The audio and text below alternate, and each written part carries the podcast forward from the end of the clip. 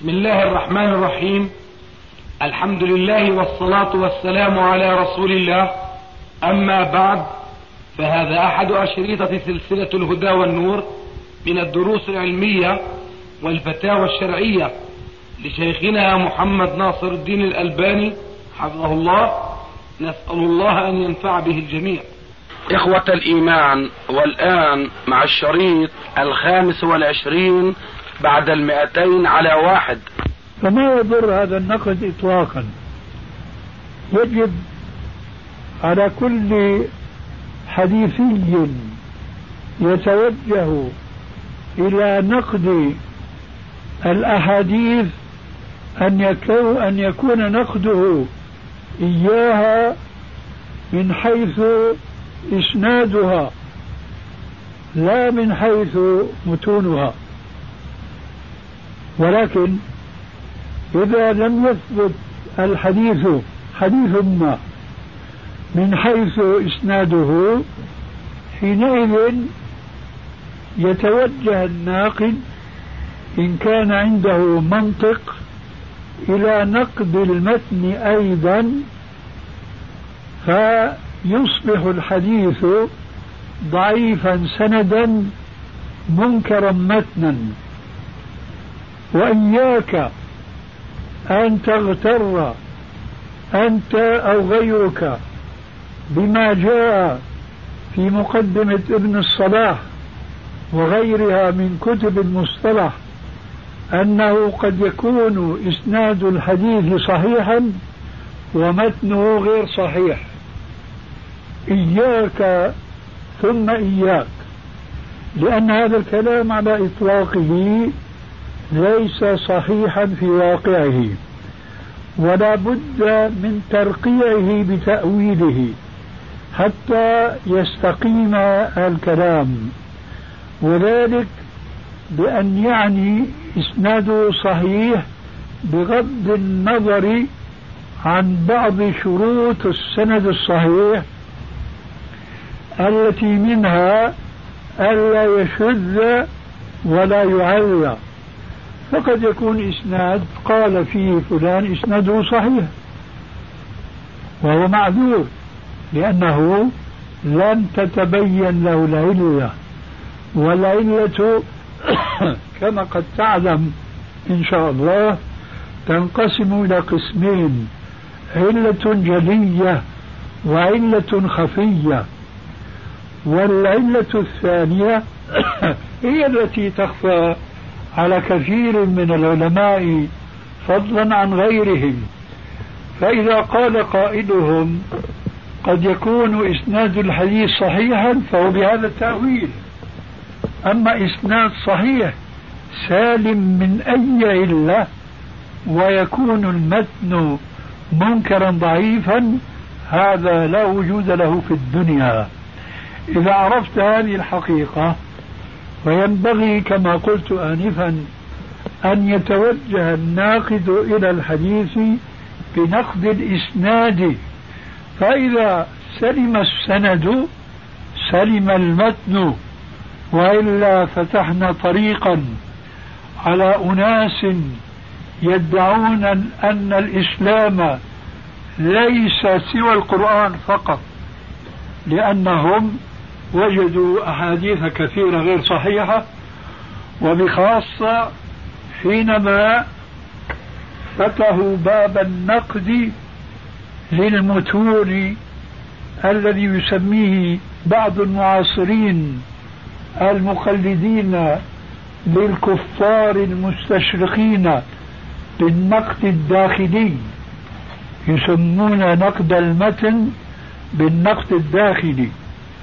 فلما توسعوا في النقد لم يسلم لهم من الحديث إلا القليل القليل جدا ولذلك أيضا أعرضوا عن هذا القليل واكتفوا بالقرآن فخرجوا عن الإسلام باسم القرآن.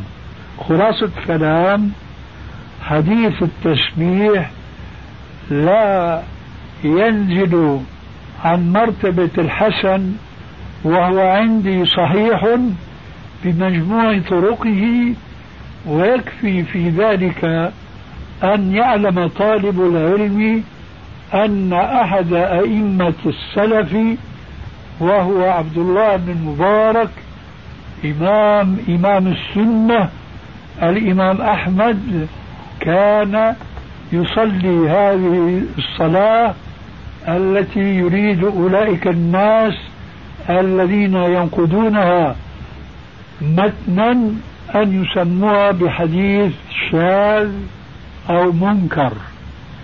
فمثل هذا الحديث وقد جاء من طرق كثيرة وبعضها ليس فيه إلا الضعف اليسير الذي يتقوى بمثله وقد عمل به ذلك الإمام فلا تغتر بما ينقل من الكلام عن بعض أئمة الإسلام في تضعيف أسانيده أو في الحكم على الإسناد بالنكارة.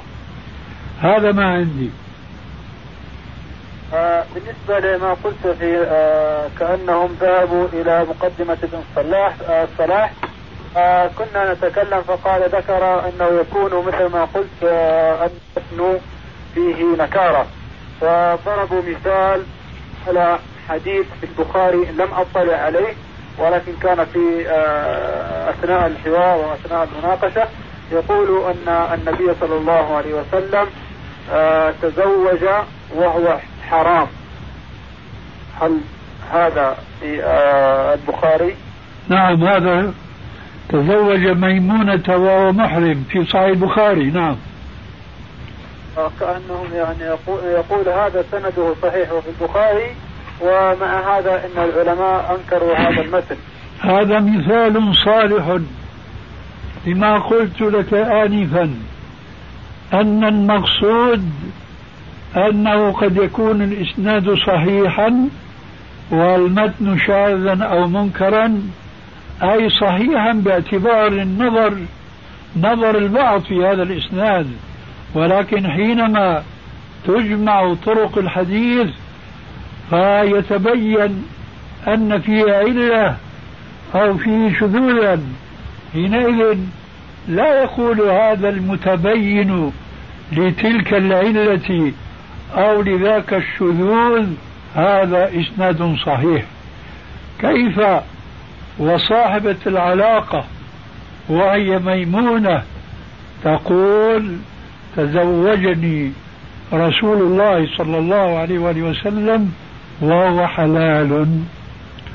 ولذلك فهذا الحديث إذا قيل إسناده صحيح فيجب أن يفسر بأن رجاله رجال الصحيح وهو كذلك فإنه في ولكنه لم يخل من علة قادحة. لو لم يكن حديث ميمونة المصرح بأن النبي صلى الله عليه وآله وسلم تزوجها وهي حلال لقلنا كما قال ابن عباس في حديث الصحيحين تزوجها وهو محرم. لأنه ليس عندنا ما يقبح ويبين شذوذ هذا الحديث. أما وقد جاء حديث ميمونة من طرق عدة أنه عليه السلام تزوجها وهو حلال. في شيء آخر عندك ولا أقول لك السلام عليكم؟ لو سمحت يا شيخ وهو آه، خاص بي. هل يجوز أو هل ورد؟ آه، كأني قرأت في أحد كتب الستة. وهو أعلم أن أحد نساء النبي صلى الله عليه وسلم كنا يقصون شعورهن أو يأخذن من شعورهن. هل صح هذا السند أو صح هذا الأثر؟ إيه، صح هذا. شعرها أو تقص من شعرها. اي نعم. غير في غير آه، النسك. قرأته في صحيح مسلم. أنت قرأته في صحيح مسلم.